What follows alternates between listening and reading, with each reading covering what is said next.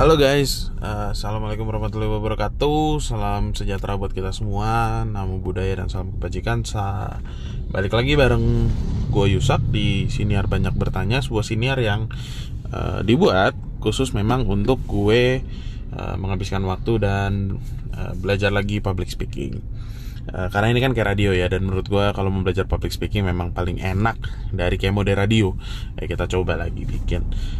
Uh, topik yang hari ini mau gue bahas uh, berkisar deng dengan background gue dan pekerjaan gue saat ini.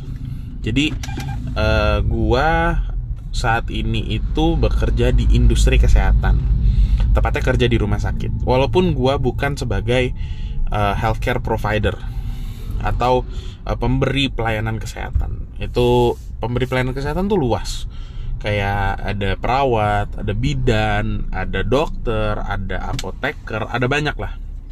Nah, eh, dari dari semua healthcare provider, salah satu healthcare provider yang paling sering dapat sorotan itu adalah si dokter, menurut gue. Eh, karena biasanya di banyak tempat, kayaknya termasuk kayak orang tua kita juga deh. Eh, orang tua kita tuh selalu punya pendapat bahwa jadi dokter itu enak. Jadi dokter itu pasti kaya. Uh, that's a very typical Asian parents lah ya. Uh, kalau kita bicara kayak si siapa? Aduh komedian komedian Malay Ronnie Cheng. Ronnie Cheng dia di salah satu beatnya dia sempat bahas bahwa orang tua dia uh, selalu mendorong as an Asian parents ya. Asian kids itu pasti didorong untuk jadi dokter. Why? Because of the money. Karena uh, di pola pikir banyak orang tua uh, dokter itu pasti kaya, dokter itu pasti enak, hidupnya pasti nyaman. Uh, by the way, kalau suaranya agak berisik karena kebetulan gue lagi bikin ini sambil kena macet di jalan. Gue balik lagi kayak kayak gue zaman dulu pas Instagram. Anyway, uh, gue agak gue agak terdistract. Kita lanjut. Jadi di di di banyak kultur di Asia, dokter itu dipandang sebagai seseorang yang yang yang cukup terhormat. Dan dan semua orang berpikir bahwa jadi dokter tuh enak. Jadi jadi dokter tuh pasti kaya. Jadi dokter itu apa ya pasti sukses lah gitu. Dan gue nggak bisa 100% memungkiri itu kalau kita pergi kayak nggak usah jauh-jauh sampai ke kota kecil ya. Kita bicara misalkan Surabaya kita bicara misalkan Bandung. Dokter beberapa dokter yang memang eh, pa, pa, biasanya pasti dokter spesialis dan uh, kemudian memang senior itu memang biasanya mobilnya Mercy. Uh, atau BM gitu walaupun gue nggak bilang semua ya ada juga dokter yang nggak gitu. Tapi gue nggak bisa memungkiri bahwa banyak dokter yang hidupnya sangat berkecukupan. Gue tahu ada beberapa dokter yang uh, kita bicara sebelum ada BPJS ya. Karena nanti gue akan bahas tentang bagaimana BPJS merubah segalanya.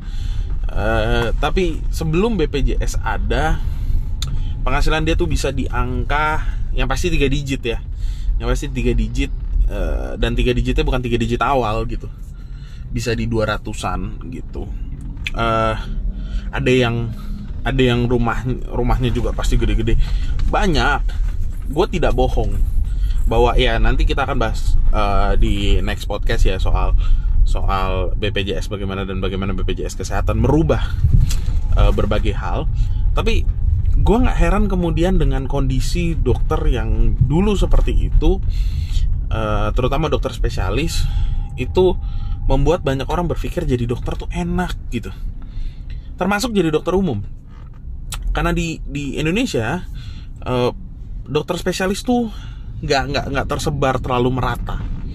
For example, uh, kita bicara Sukabumi kota, kota ya, bukan kabupaten. Kota Sukabumi itu memang nggak gede, uh, punya penduduk sekitar kalau gua nggak salah kalau gua nggak salah info itu di sekitar 350 ribu uh, jiwa. Dan dari 350 ribu jiwa, kita hanya punya dua dokter spesialis ortopedi, dokter tulang. Ya, kalau ada kecelakaan ada patah tulang ada sendi masalah sendi hanya ada dua dokter se uh, kota Sukabumi. Beda anak juga nggak banyak uh, beda urologi juga nggak banyak. Kita nggak punya dokter andrologi satu Sukabumi. Uh, kalau kayak dokter objin dokter anak mungkin masih ada ya. Tapi itu juga nggak banyak lah. Bisa dihitung jari lah. Paling banyak mungkin 10 kayaknya. Dan itu pun udah dibilang banyak gitu. Uh, dokter spesialis radiologi juga nggak banyak. Karena memang penyebaran dokter spesialis di Indonesia tuh nggak nggak semerata itu. Akibatnya di banyak daerah di banyak kota yang lebih terpencil dari Sukabumi yang banyak adalah dokter umum. Jadi uh, walaupun mungkin penghasilannya tidak bisa sebesar dokter spesialis penghasilannya termasuk sangat besar untuk ukuran daerah setempat. Jadi gue nggak heran sebetulnya ketika banyak orang kan manusia tuh seneng aja ngeliat yang superficial ya. Wih mobilnya bagus wih rumahnya gedong. Akhirnya berpikir bahwa jadi dokter tuh enak sampai lu tahu gue nggak mau bahas di sini soal sekolah kedokteran ya. Uh, itu udah langsung kelihatan. Sekolah dokter itu 6 tahun minimal lu harus uh, jadi dari esket urutannya ya buat yang belum tahu.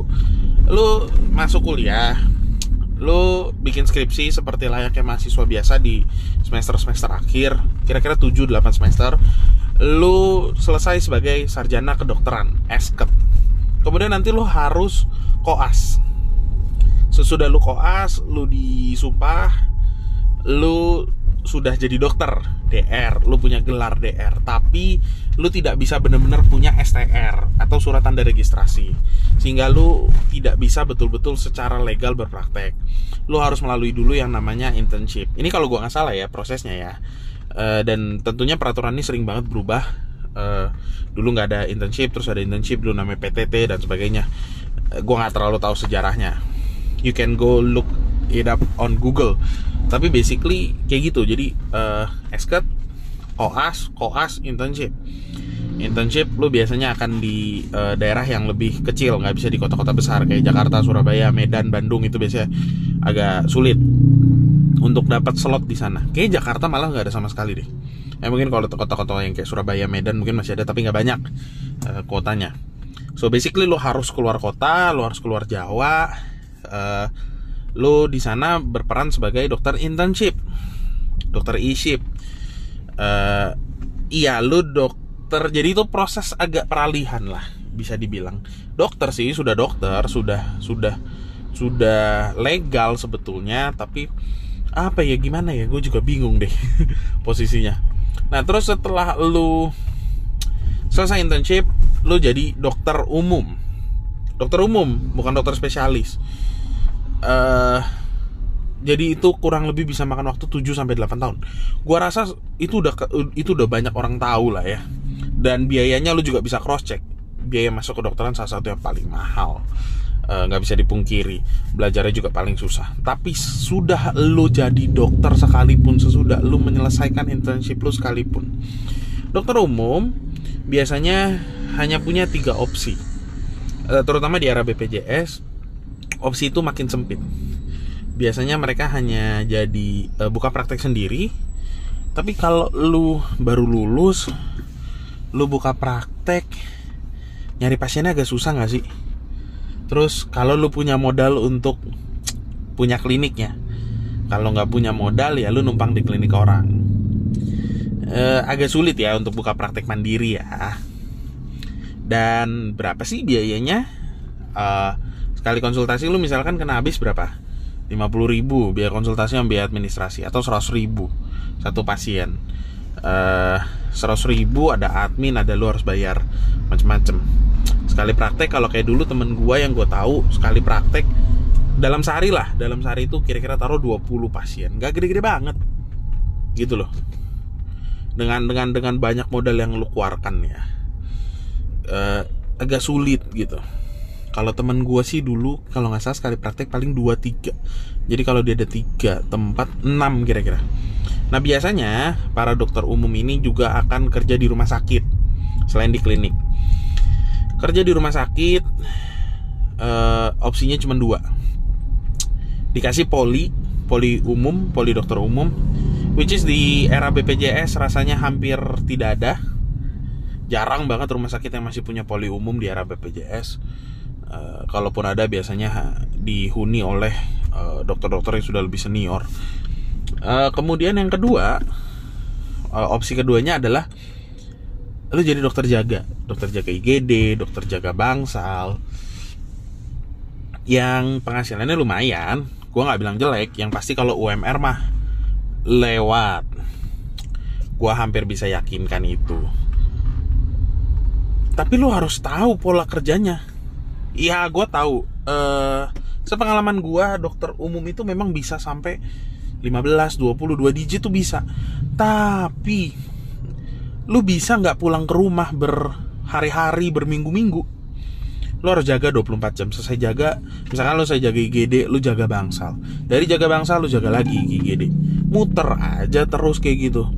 Udah gitu ada namanya uh, CPPT catatan harian gitu deh. Uh, perkembangan pasien terintegrasi kalau saya gue lupa pengen uh, di mana CPPT itu harus diveri secara aturan akreditasi harus diverifikasi uh, oleh dokter minimal dokter umum kalau nggak salah ingat. Setiap hari sampai pasien itu pulang. Banyak loh itu artinya lu tiap hari kerjaan lu nggak sedikit. Itu di luar nanganin pasien yang baru dateng ya. Pasien lama lu juga numpuk. Terus udah gitu belum lagi kita bicara soal sertifikasi.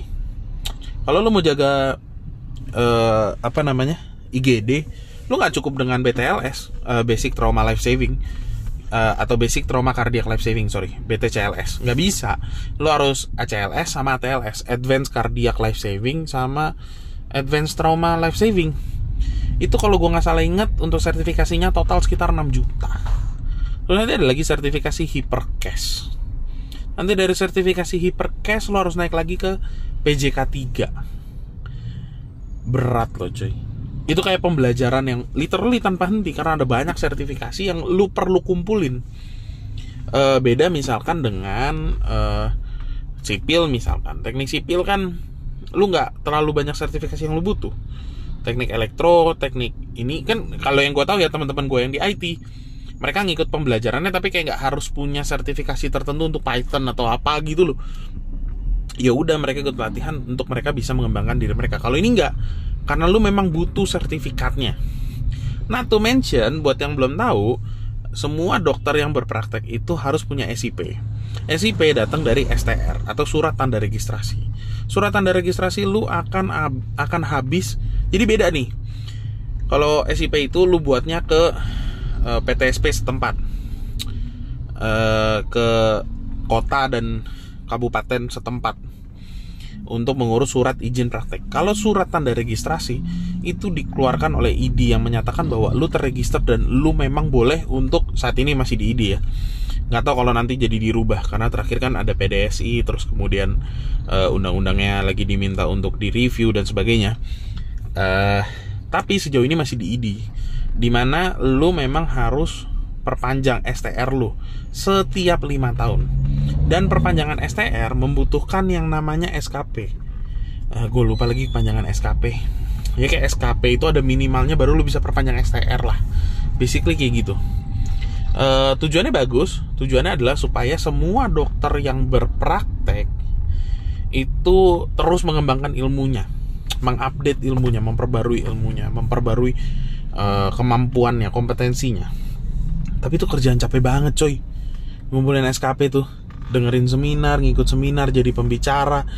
Eh, nggak cukup dengan nanganin pasien doang harus ada harus ada gitu gitunya dan dan setiap seminar itu ya ada juga sih yang free SKP biasanya dua SKP dan sebagainya. Tapi banyak banget yang berbayar. Ya SKP-nya harus bayar. Gue tahu banget beberapa rekan dokter itu rekan sejawat yang bela-belaan di mana ada free SKP dikejar. Segitu pentingnya SKP gitu. Uh, untuk lu bisa dapetin STR lu.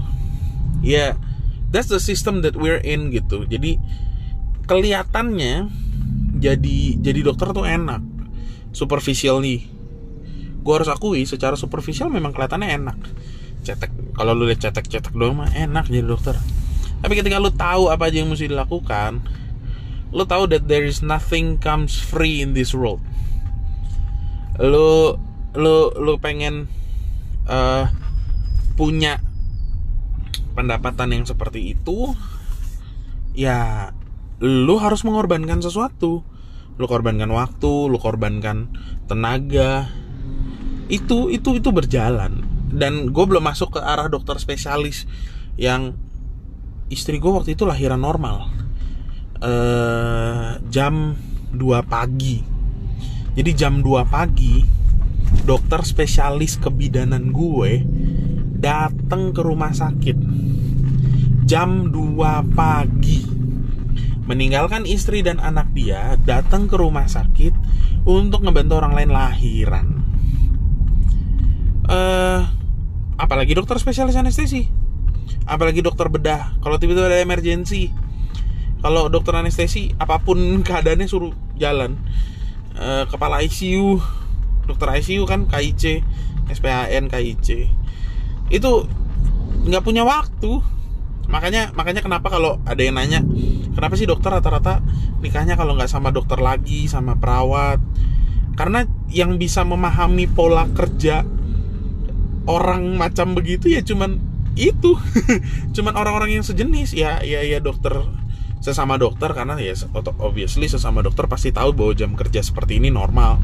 Ya perawat yang yang yang juga yang juga punya jam seperti itu kalau nggak mana ada manusia yang gue gue pacaran misalkan tapi gue nggak pernah bisa ketemu karena kesibukan yang yang yang nggak logical gitu kan. Ya kita harus fair ya. Jadi dokter itu kadang kesibukannya sangat gak logical gitu. Uh, anggap dokter yang tanda kutip ya tanda kutip sekali bisa agak lebih santai misalkan kayak dokter SPM spesialis mata ya karena mata kan jarang yang betul-betul emergency biasanya trauma kecelakaan oke okay. atau misalkan dokter androlog gue pernah ketemu androlog yang ngomong sendiri ke gue gue milih jadi androlog karena kalau gue jadi androlog uh, gue nggak mungkin tiba-tiba malam-malam ditelepon. Itu omongan dari dia sumpah. Dokter SPAN uh, cukup senior lah 40-an lucu banget gue bilang. Iya bener sih. Tapi ya itu uh, ketika lu ketika lu berharap bahwa oh iya enak jadi dokter. Lu harus tahu bahwa bahwa di luar yang yang yang lu udah pasti lihat apa kesulitannya jadi dokter ada banyak sekali yang mungkin lu belum tahu ada banyak sekali yang yang nggak kelihatannya nih. Uh, waktu lu habis pasti. Habis habisan uh, dan rata-rata temen dokter gua itu stres pasti. Apalagi apalagi kalau dia udah lagi mikirin mau masuk spesialis. Masuk spesialis tuh uh, kita nyebutnya PPDS ya. Uh, DS-nya tuh dokter spesialis. Program pembelajaran dokter spesialis. Nah itu. PPDS mau masuk PPDS itu susah sekali di Indonesia. Susah sekali. Eh, nggak uh, gampang. Dan ketika sudah masuk pun itu sangat amat sulit dibandingkan dengan gua dulu ngambil S2 uh, eh, yang non medis rasanya mengambil non medis itu S2 non medis jadi jauh lebih gampang. Gitu loh. Karena PPDS di Indonesia masih susah sekali. Uh, mungkin itu aja sekian dari gue. Jadi uh, siniar ini nggak, eh sorry, uh, podcast ya siniar ya, siniar ini nggak nggak gue bikin untuk tidak mengencourage orang untuk uh, ngambil kedokteran atau ngambil FK, ngambil medis, monggo. Tapi jangan menurut gue gue mengencourage lu jangan ngambil kedokteran, jangan ngambil medis FK. Uh, kalau pemikiran lu adalah jadi dokter pasti enak jadi dokter pasti kaya. Uh, eh, gue juga punya temen yang sampai sekarang ya oke okay, dia punya mobil tapi mobil dia tahun 2012 2014 jadi udah umur 8 10 tahun. Uh, dan bukan Mercy ya. Mobilnya mobil biasa lah kayak uh, eh, LMPV gitu. Uh, dan umurnya udah 8 10 tahun gitu. Sedangkan uh, temen gue yang di IT uh, mobil dia keluaran terbaru uh, dia pakai SUV gitu loh ya kalau lu memang memang mau jadi dokter karena mikir pengen duit gue sama sekali nggak menyarankan. Sama sekali. Kalau lu mem memang pengen jadi dokter betul-betul pengen nin diri lu untuk jadi dokter. Dan saran gue kalau lu memang sudah masuk FK segera pikirkan gue mau spesialis ke mana. Jangan berhenti sebagai dokter umum. Agak sayang buat gue uh, lu pikirin aja antara oke okay, gue akan ngambil spesialis ABC atau uh, oke okay, gue ngambil dokter umum supaya gue bisa uh, ngambil Mars misalkan untuk gue mau masuk ke manajemen. Tapi jangan berhenti di dokter umumnya menurut gue agak sayang. Uh, itu menurut gue opini gue pribadi gue tidak dipengaruhi oleh siapa pun uh, dan gue tidak berusaha mempengaruhi siapa pun. Gue hanya berusaha memberikan gambaran lain kalau misalkan lu belum pernah dapat gambaran seperti ini.